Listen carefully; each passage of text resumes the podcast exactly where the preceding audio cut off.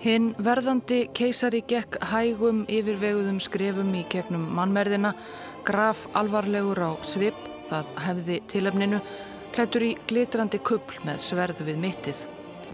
Á 15.000 gestir hvaðan ef aður heiminum fyldust með þegar hann kom sér fyrir í gríðarstóru gildu hásæti í líki Arnar með vangina útbreyta.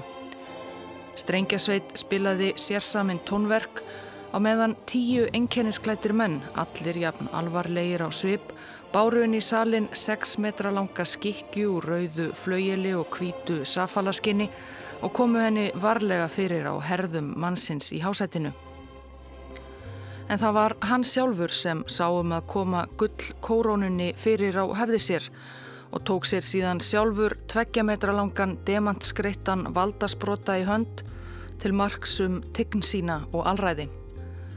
Ágæti hlustandi sögusvið þessara væga sagt dýrðlegu atburða sem hér er líst var ekki eitt hvert evróst konungsrikið einhver tíman fyrra á öldum eins og maður mætti kannski ætla heldur landi í Afríku miðri í desember 1977.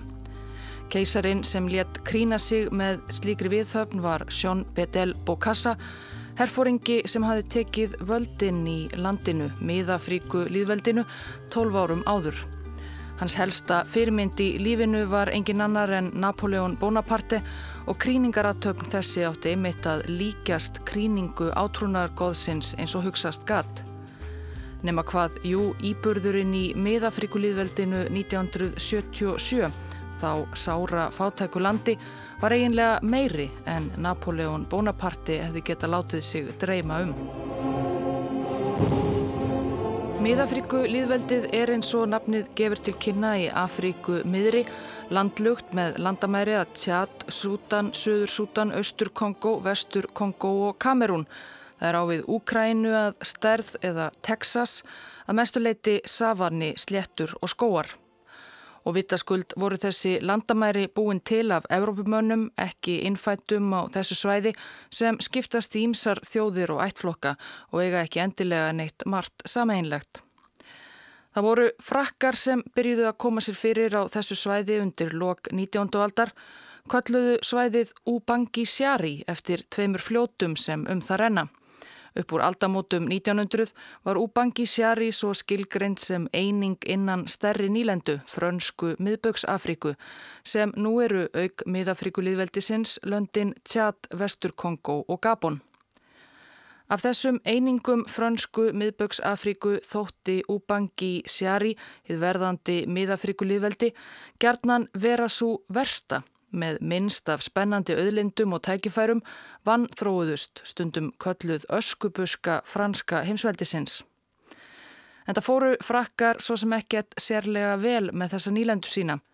Þeirra helsta fyrirmynd í nýlendurekstri var Leopold Belgakonungur sem stjórnaði næsta landsvæði til söðurs, hinn og gríðarstóra fríríki sínu Kongo. Þannig að líkt og hátturinn var í belgíska Kongo þá fengu frönsk fyrirtæki frá upphafi frít spil til að arðaræna innfætta í nýlendunni, neyða fólk í launalösa þrælkunarvinnu við að sapna gummiði, rækta kaffi og bómull, leggja hjártbröytir og vegi til að flytja gósið svo allt úr landi. Fyrirtækin gengu svo langt að þau tóku oft fjölskyldur þræla sinna í gíslingu. Ef einhver neytaði að vinna þá fekk sá ekki að sjá fjölskyldu sína meir. Vinnu aðstæður voru ömurlegar víðast hvar, farsóttir grasseriðu meðal þrælana Áætlað er að frá því að frakkar lögðu svæðið undir sig um aldamótin 1900 og fram til 1940 hafi um helmingur innfættra í úbangi sjari látið lífið úr sjúkdómum, hungri eða öðru sem rekja má til þrælkunarvinnu. Það var í litlum bæ í þessu landi sem Sjón Bedel Bokassa fættist 22. februar 1921 og ofriki nýlenduherrana og ofbeldi var allt í kringumann á barsaldri. Þegar hann var sex ára reyndi fadir hans, höfðingi í bænum þar sem fjölskylda hans bjó, að streytast á móti verkstjórum franska fyrirtækisins sem létt fólkið á þessum slóðum þræla við gummisöfnun. Það fór ekki vel. Fadir bókasalitla var tekin höndum af varðmönnum gúmifyrirtækisins og barinn til dauða á miðju torki og móðir hans var þá svo niðurbrotin að ekki löngu síðar svifti hún sig lífi. Munaðarleysingin Bokassa ólst upp hjá frönskum trúbóðum sem ráku skóla þarna í nágrenninu. Þar tók hann ástfóstri við franska menningu en þótti að öðruleiti ekki sérlega góður námsmaður, allavega ekki efni í prest. Svo að þegar hann var orðin 18 ára 1939 kvöttu trúbóðarnir piltinn til að ganga í franska herin. Jean-Bedel Bokassa 18 ára gekk til liðs við nýlendu sveitir franska hersins vorið 1939. Örfáum mánuðum síðar var svo brostið á stríð í Evrópu. Bokassa átti farsælan feril. Eftir að þjóðverjar herrtóku Frakland barðist hann með frjálsu fransku hersveitum sjálfstu gól bæði í nýlendunum í Miðafríku og síðar í Fraklandi og Þýskalandi. Eftir stríð var hann áfram í hernum, lærði fjarskiptatækni og til officers. 1950 var hann sendur til Indokína þar sem frakkar börðust við vietnamska sjálfstæði sinna. Hann snýri ekki aftur til heimalandsins fyrir en 1959 eftir tvo áratugi sem hermaður hér og þar um heiminn. Þá var hann orðin höfuðsmaður, 38 ára og landið sem hann yfirgaf, Ubangi Sjari, var líka að taka örum breytingum. Nýlendur vesturlanda í Afríku voru óðum að færast í átt til sjálfstæðis. Þjóðerni sinnar höfðu náð völdum á Þingi og Bangi Sjari 1957 og lísti yfir sjálfstæði nýlendunar tæpu ári síðar. Hún fekk þá nafnið Miðafrikulíðveldið og 1960 fekk það svo formlegt sjálfstæði frá Fraklandi.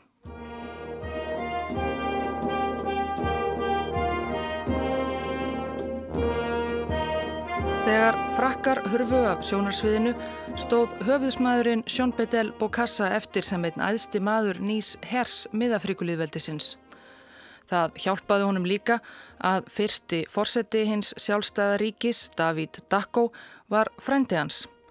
1964 var Bokassa orðin æðsti maður miðafríska hersins og hann var ekki óanæður með þá upphefð. Hann stóð vörðum hefðir og prjál hermennskunar vegna alls þess sem það veitti honum. Þannig hafði hann unnið sér inn fjölda heiðursmerkja og löngum ferli í franska hernum og gekk yðurlega með þau á sér framann á einkennisbúningi sínum, öll með tölu, nokkuð skrautlegt og eflaust nokkuð þungt að bera. Bókassa vek þar að auki helst aldrei frá dakk og fósetta, sérstaklega ekki við háttíðleg tilefni, svo það færi örglega ekki á milli mála að hann væri einn merkasti maður ríkisins. Og það þrátt fyrir að síðameistarar fórsetans reyndu stundum að stukka við honum, segja honum að kunna sig og sitja á sínum stað. En dakk og fórseti kifti sér reyndar ekki mikið upp við þetta háttalag, fannst hann bara heldur fyndin þessi metnaðargjarni frændi sinn með öll heiðursmerkin á brjóstinu. Hvað ef hann reynir að taka völdin, spurður áðgjafar fórsetan á og til. Valdarán herfóringja voru fljótt orðin alvarlegt vandamál í mörgum ný sjálfstæðum Afríkuríkjum. Nei, ekki bókassa frændi, svaraði David Dacko þá. Hann vil bara sapna heiðursmerkjum. Hann er of heimskur til að skipuleggja Valdarán.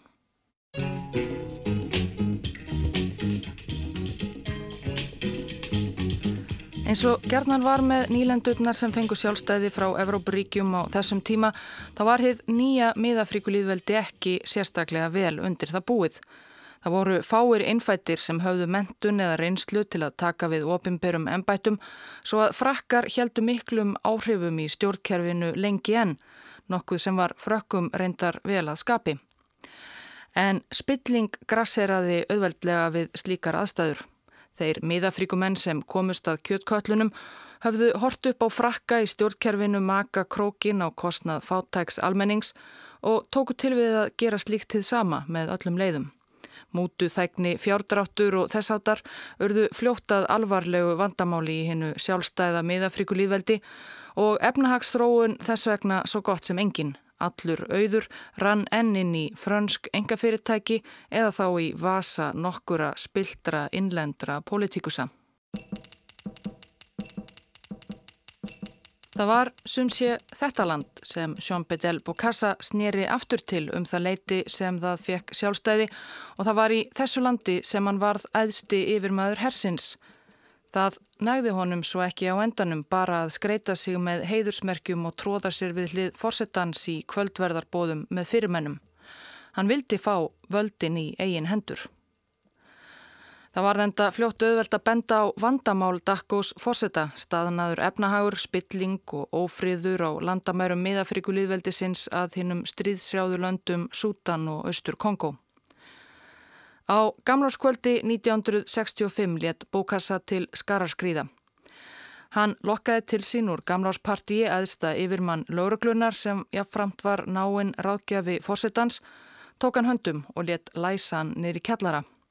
Svo saði bókassa hermönum sínum að finna fórsetan sjálfan. Hann var þó út í sveit að taka þátt í helgiatöfn höfðingjan okkurs í tilefni áramótana. Hann var handtekinn árla á nýjársmorgun á leið aftur til höfuborgarinnar Bongui. Menn bókassa höfðu þá einnig tekið yfir ríkisútvarpið og dagskrá nýjársdagsins 1966 hófst því með ávarpi hersöfðingjans með heiðusmerkin. Miðafríkumenn Þetta er bókassa ofusti sem talar. Frá því þrjú í morgun hefur herin tekið við stjórn landsins. Dakkó og ríkistjórn hans hafa sagt af sér. Tími réttlætis er runnin upp. Borgarastjettin er aflögð. Nýjir tímar jafnræðis eru hafnir. Miðafrikumenn, hvar sem þið eruð, þið megið vera vissir um að herin ver ykkur og egnir ykkar. Lengi lífi miðafriku líðaldið.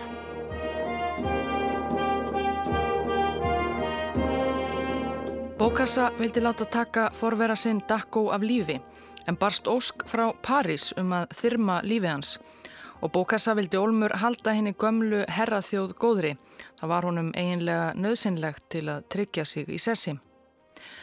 Og þó svo að frakkar hefðu í fyrstu gaggrínt ólýðræðislegt valdarán herfóringjans og það að Bókassa gerði það eitt af sínum fyrstu verkum í ennbætti fórseta að leysa upp bæði þjóðþing miðafrikulíðveldisins og stjórnarskrá og banna alla stjórnmálaflokka þá komust frakkar líka fljótt á þá skoðun að mikilvægt væri að halda nýjum leðtóa góðum til að tryggja áframhaldandi áhrif í gömlu nýlendunni.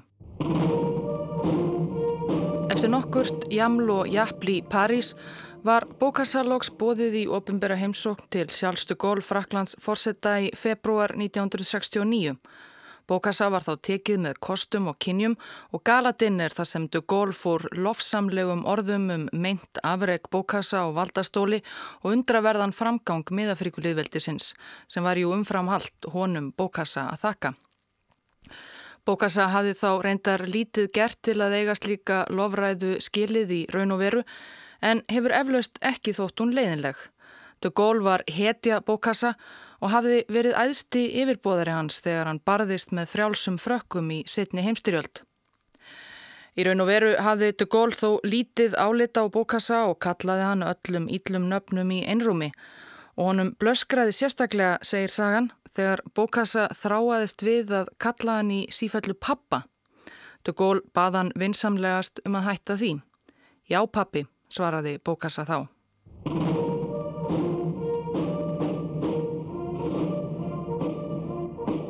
Einn helsti samverkamaður Bókassa í valdaráninu um áramótin 1966 og síðar fjármálar á þeirra í ríkistjórn hans var kafteitn í hernum Aleksandr Bansa. En um þær mundir sem Bókassa hjælt í opimbera heimsókn sína til Parísar var farið að kastast í kekki millir Bókassa og Bansa og sá fyrirnemdi farin að gruna fjármálaráþurann um að vera að plotta gegn sér.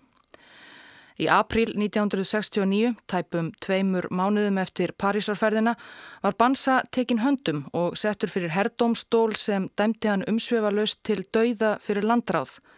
Það var um þessar myndir sem sögur voru farnar að berast út af grimd og refsigleði fórsetta miðafrikulíðveldisins.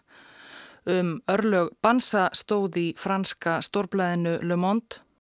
Það fer tvennum sögum að því hvernig dauða Bansa bar að, sem eru ólíkar í nokkrum smáadriðum. Batt bókassa hann við stólpa, áður en hann skar hann sjálfur með nýfi, sem hann hafði áður notað til að hræra í kaffinu sínu í gilda og bláa serves postulinsbólanum. Eða var morðið framið á fundarborði ríkistjórnarinnar með hjálp annara.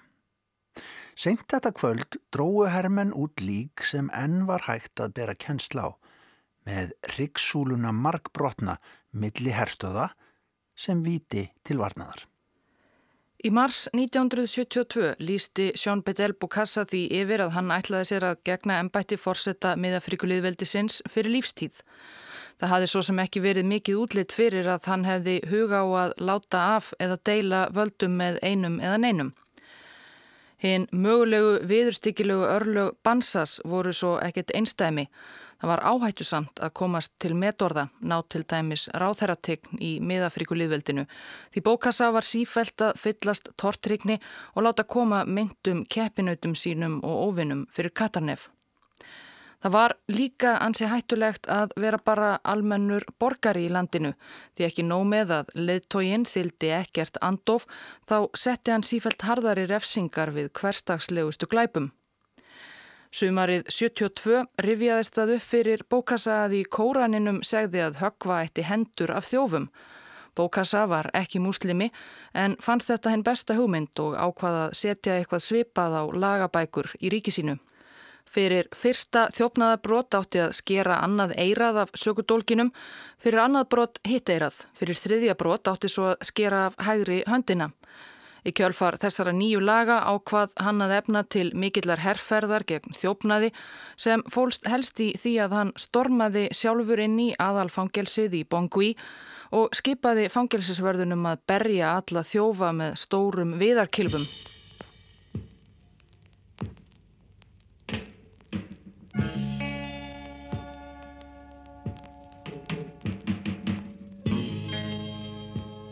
Þrátt fyrir slíkt hátalag helst alltaf þið nána samband miðafrikulíðveldisins við Frakland. Löndin áttu í ímiskonar viðskiptum, miðafrikulíðveldið nokkuð auðugt af ímsum málmum og steintegundum, sá meðal annars Fraklandi fyrir úrani. Valeri Giscard d'Estaing sem tók við ennbætti Fraklandsforsetta 1974 varð sérstakur perluvinnur Bókassa fóru þeir félagarnir gjarnan á veiðar saman í skóum miðafríku til skart hafði unun af veiðum og var sérlega solgin í að koma stórum og framandi afrískum dýrum fyrir katanef, buffalóum, antilópum, nasirningum og fílum. Við nátt að þeirra bókassa hófstreyndar fyrr þegar Stískart var fjármálar á þeirra í frönsku stjórninni og þegar hann bauð sig fram til endurkjörst til forsetta 1981 gróf franska pressan upp að hann hafði sem ráð þeirra 73 fengið tvo demanta að gjöf frá bókassa. Þótti það frekar vandræðalegt og varð sískart erfitt í kostningabarátunni en það stóð þar sósjalistinn François Mitterrand að lokum uppi sem sigurveri. Bókassa fór líka að stíga í vangin við aðra allræmda einræðisherra og harðstjóra eins og Nikolai Ceausescu í Rúmeníu og Muammar al-Gaddafi í Líbíu. Samband þeirra Bókassa og Gaddafís var upp og ofan. Gaddafi hafði mörgu að sinna og oftar en ekki takmarkaðan áhuga á miðafrikulíðveldinu. Í vonum að tryggja sér vinskap og fjárhags aðstóð Gaddafís tók bókassa Íslamstrú í september 1976 og tók þá upp arabískt nafn Salaeddin Ahmed Bókassa. En þegar Gaddafi síndi þessu uppáttæki litla aðtikli snýrist Bókassa aftur til katholskrar trúar bara tveimur mánuðum síðar og tók upp sitt gamla nafn Sjón Bedell aftur. En þá var hann líka komin með nýtt áhugamál.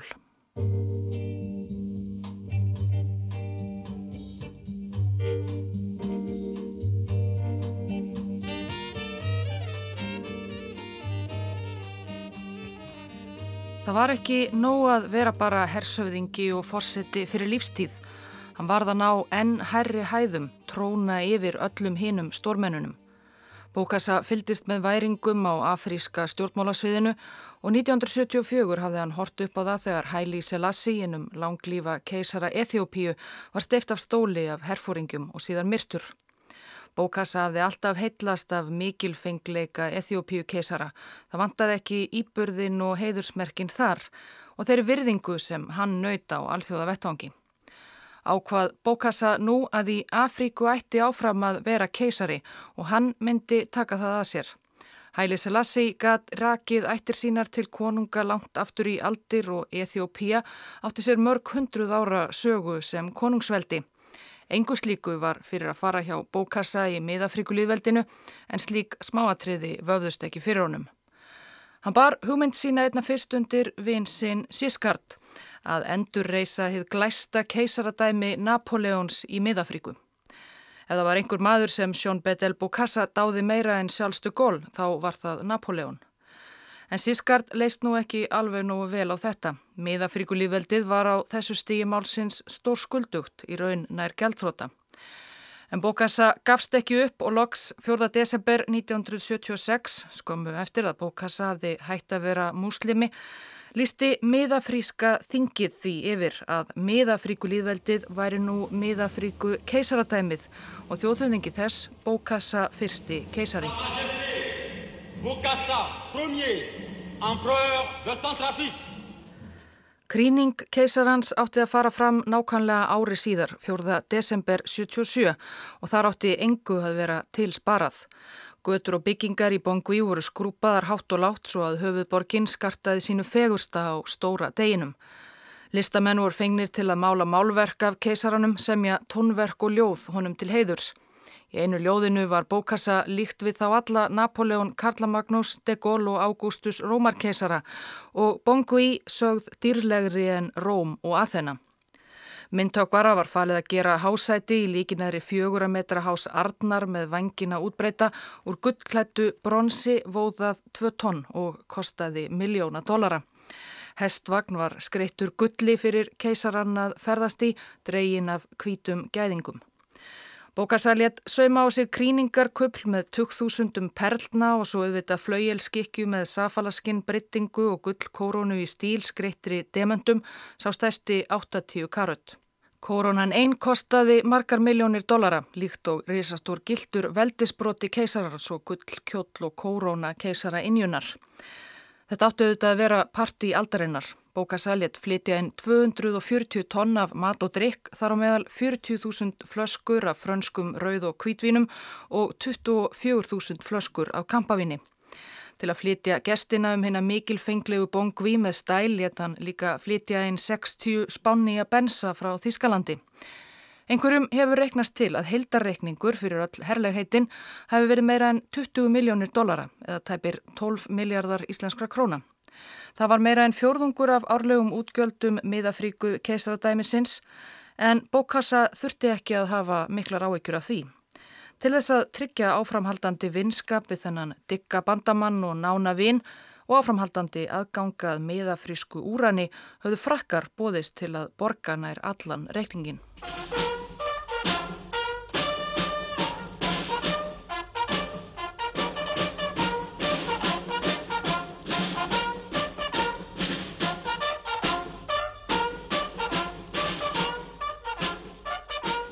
Markmiðið var alltaf að líka eins og hægt væri eftir kríningaratöfn Napoleons í Notre Dame í París 1804. Því vildi bókasa auðvitað að eins og var hjá Napoleon að sjálfur Pávin í Róm væri viðstatur. Bókasa þrýsti fast á aðstu menn miðafrísku kirkjunar að hafa samband við Pál VII Páfa En þeir hafa vantanlega farið nokkuð hjá sér og fullvisuðu að lókum keisarann að Páfi, sem var áttræður, réði einfallega ekki við svo langt ferðalag. Það hendaði heldur ekki að hafa svo mikilfenglega aðtöfni hinn í frekar hóværu domkirkju Bangui sem einnig er kent við Vora frú Notre Dame. Svo lokum varð korruboltaleikvangur borgarinnar fyrir valinu, Sjón Bedel Bokassa Íþróttahöllin sem vill svo til að stóð við Bokassa breðstræti, ekki langt frá Bokassa háskólanum. Á gestalistanum fyrir aðtöfnina voru öll heimsins fyrirmenni að sjálfsögðum. Bokassa passaði sig að bjóða fyrst kollegum sínum tveimur, Hirohito Japanskeisara og Mohamed Reza Íranskeisara. En báður höfnuðu bóðinu eins og raunar allt annað konga og aðalsfólk sem bókassa bauð, utan einn frekar ómerkilegur prins frá Líktenstein. Þjóðhöfðingjar á gestalistanum letu heldur ekki sjá sig. Jú, einn forsætisráð þeirra afríska Eiríkisins Máritíus. Önnur ríki Afríku sendu flest sendiherra sína eða bara alls engan. Ekki einu sinni aðrir sérvitrir einræðisherrar eins og gamlir vinir bókasa þeir Mobutu Sese Seko í Sær, austur Kongo eða Idi Amin í Uganda letu sjá sig. Keisarin var spurður út í fjárveru þeirra í viðtali. Þeir eru öfundsjúkir, sagðan, því ég á keisaradæmi en þeir ekki. Alls komu 600 af 2500 erlendum boðskestum.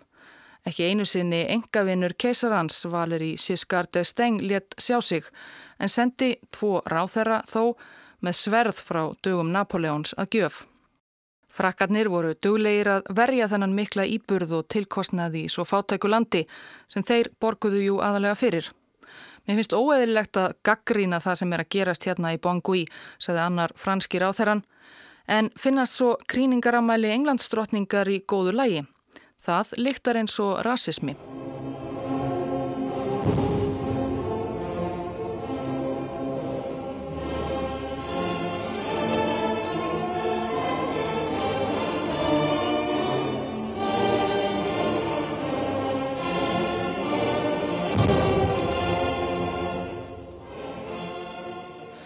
Allt gekk þetta ekki alveg eins smurt og bókassa hafði vonast eftir. Hann sjálfur mætti klukkustund of sent á köruboltaleikvangin því það var 30 eitthvað steg að hitti og það hafði reynst óbærilegt inni í fína hestvagninum. Svo að keisarahjónin völdu frekar að ferðast í einum af loftaræstu bensunum. Í þessa klukkustund máttu hinnir prúðbúnu gestirnir býða og svitna á leikvanginum. Loks hófstinn mikilfenglega aðtöfn með lúðrablæstri og hljóðfærarleik eins og líst var í upphafi þáttar. Aðtöfn sem lauk á þann napoleonska hátt auðvitað bókassa krýndi sig sjálfur með miljón dollara koroninni rétt eins og átrúnaðargoðið hafi gert 1804. No! Bókassa premier! Jurons! Et promettons solennellement devant le peuple. Eftir aðtöfnina let keisarinn sig hafa það að ferðast í gegnum Bongui á hestvagninum í kæfandi háttegis hitta á raka. Við allar götur stóðu óbreyttir borgarar og fyldust með en þeir fögnuðu ekki sérstaklega, veldu bara vöngum yfir þessu sjónarspili leittóðera. Um kvöldið var fremstu gestum bóðið til kvöldverðar í forsetta, já, keisarahöllinni. Bókassa hafði þá skipt um fött, farið úr kuplinum og í napoleanskan herbúning með hatt og allt. Á matseðlinum styrjurhogn, gæsalefur, humar og antilópusteik. Það var eftir þá dýrlegu máltíð þegar þjónatnir voru að taka að borðum sem bókassamun hafa snúið sér að öðrum frönsku ráþarana og sagt þú tókst ekki eftir því en þú varst að borða mannakjött. Æ síðan hefur verið lífsegur orðrómur um að bókassa hafi verið mannæta. Það hefur þó aldrei fengist sannað.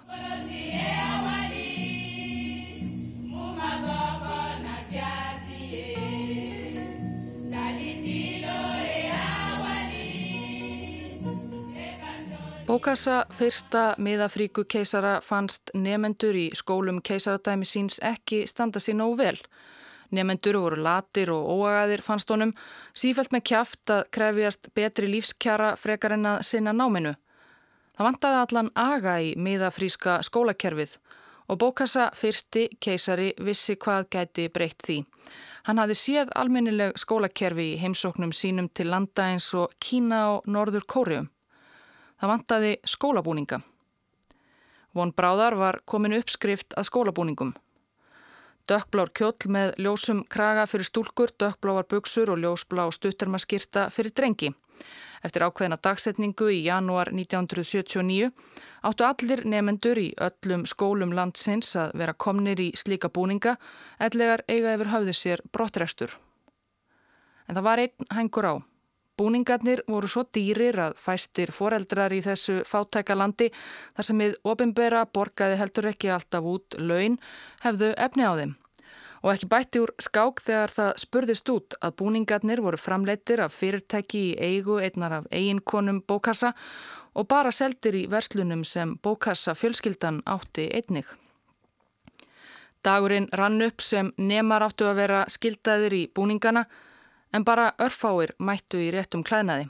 Aðrir söpnuðust saman á torkum og breyðstrætum Bongui og mótmæltum, ungmenni í þúsundatali. Háskólanemar slóist í hópin og mótmælinn örðu fljóttað óerðum. Ungmennin brutur úður í ofinberum byggingum og reistu vegatálma. Þegar leiðodægin misti bókassa keisari þólinnmæðina og skipaði úrvalsveitum hersins að kveða niður þessi læti. Keisarin mætti sjálfur á staðin í herrklæðum og stjórnaði aðgerðum ráða nýðurlögum nemanna með öllum leiðum, skipaðan. Skriðdrekar voru sendir út á götur og hermenn skutu á ungmennin. Engin veit hversu margir fjallu, sex ungmenni sögðu stjórnvöld en engin trúir því í dag, kannski hundrað, kannski miklu fleiri. Það var ekki aftur snúið, næstu vikurnar kröymaði ónæja, hatur undir niður í miðafrísku samfélagi og sérstaklega meðal ungs fólks. Það var mótmælt reglulega og ekki bara verði á skólabúningum heldur öllu, meira segja sjálfum keisaranum. Það fór ekki framhjá óanæða unga fólkinu þegar þetta sama ári í februar annar eðslusamur og spiltur keisari rökklaðist frá völdum, Mohamed Reza í Íran. Fyrst Írans keisari nú þú, hrópuðu mótmælendunir þar á eftir. Það sögð aftur upp úr í april 79 þegar yfirvöld reyndu að hveða endanlega niður leynilega ansbyrnahópa ungmenna. Hundruð ungmenna voru handtekinn og hendi fangelsi og fangelsi í miðafríku keisaradæminu voru almennt hræðileg. Tugum ungmenna var tróðið í hvern einmenningsklefa, tróðningurinn var slíkur að margir tróðust undir. Fangaverðir dróðu af og til út einhverja, letu þá afklæðast og leggjast á gólfið og letu svo kilvuhögt inn í á þeim. Einn sagan segir en hún er að vísu ekki óumdild, að bókassa keisari sjálfur hafi tekið þátt í þeim barsmýðum, dauðadrukkin með göngustaf að vopni. Á að gíska 200 börn og ungmenni letu lífið.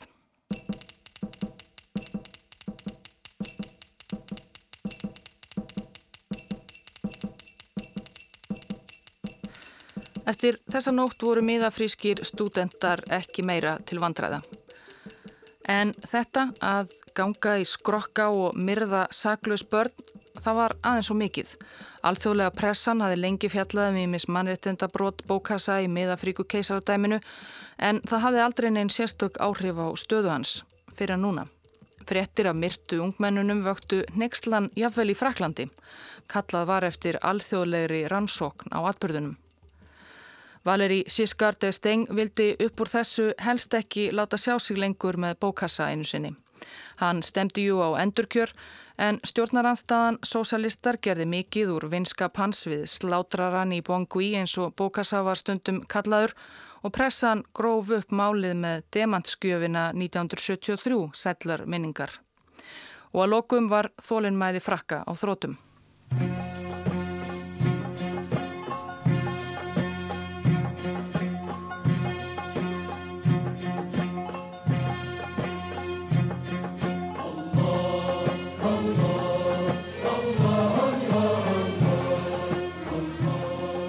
Bókassa fann á sér að hann væri að missa stuðning gömlu herraþjóðarinnar og leitaði logandi ljósi að nýjum vinum því án fjárhagsaðstóðar frakka stóð miðafríku kesaradæmið á brauðfótum.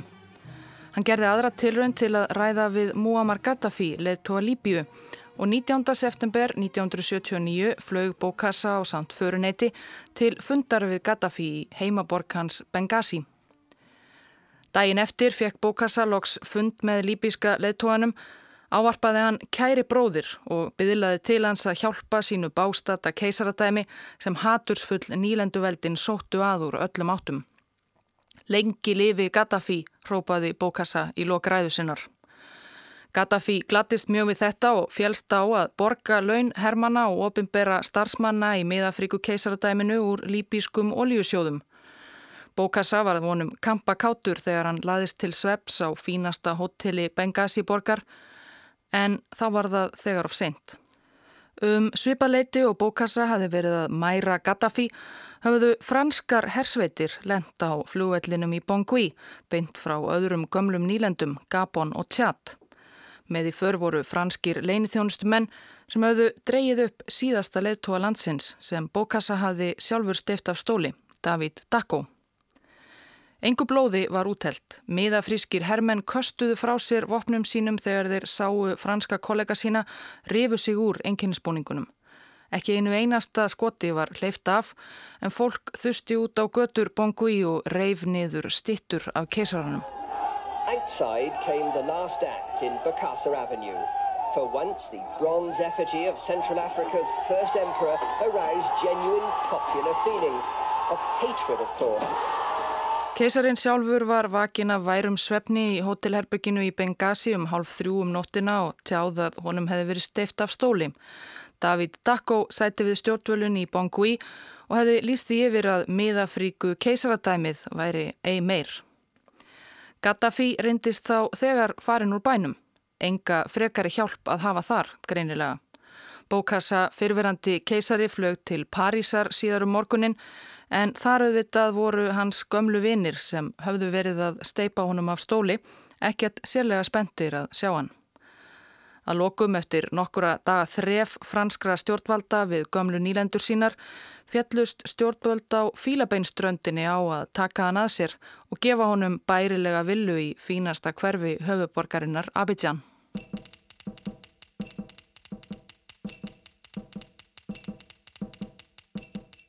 Eftir að Bókassa var á bak og braut léttu frönsku hermennir greipar sópa um hallir hans og ofinbæra stopnarnir. Hvað varðum skjöl keisaradæmisins og hvað varðum demantana og veldisbrotana og alla bensana og katilakkana er enn óvíst. Það hafa frakkar aldrei viljað tala mikið um. Sagt er að franskir hermenn hafi líka fundið í fristiherbergi keisarahallarinnar lík tvekja manna, andofsmanna, sem byðu eldurnar fyrir kokk hans hátegnar en það hefur þó aldrei fengist staðfest.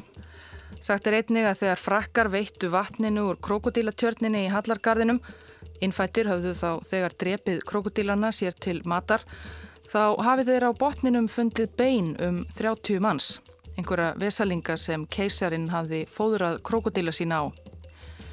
En aðrir segja að ásakanir um slíkt, um mannátt sem fengu mikla aðtegli í frönsku pressunni, hafi verið áróður til að réttlæta valdarán frakka í sinni gömlu nýlendum.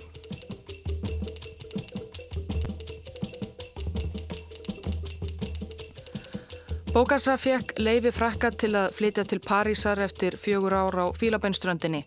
Hann átti jú villu í útjæðri borgarinnar og þar kom hann sér fyrir 1983 og að tekið út lífeyri sem fyrverandi franskur hermaður. Þó var hann alltaf plagaður af heimþrá.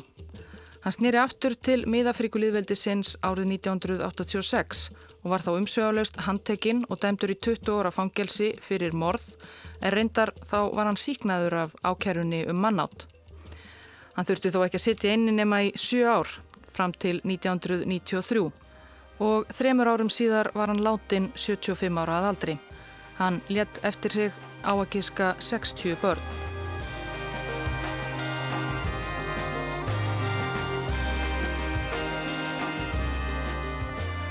Það sem við tók eftir bókassa í miðafríkuliðveldinu var ekki mikið skára þó síðar í tíma leðtóðar landsins hafi ekki verið eins litskrúðugir og landið því horfið að mestu úr fyrirsögnum fjölmiðla. Þarna hafa verið stöðug valdarán og stríðsátök og eins og alltaf rétt eins og þegar landið var búið til af nýlendu herrum til arðaráns þá hefur almenningur fengið að líða fyrir. Landið er nú meðal tíu fátækustu landa heims Árið 2019 var það útnemt næst vanþróaðasta land heims á eftir Níker og það hefur einnig verið kallað óheilbreyðasta land heims að lifa í og það land þar sem verst er að alastu.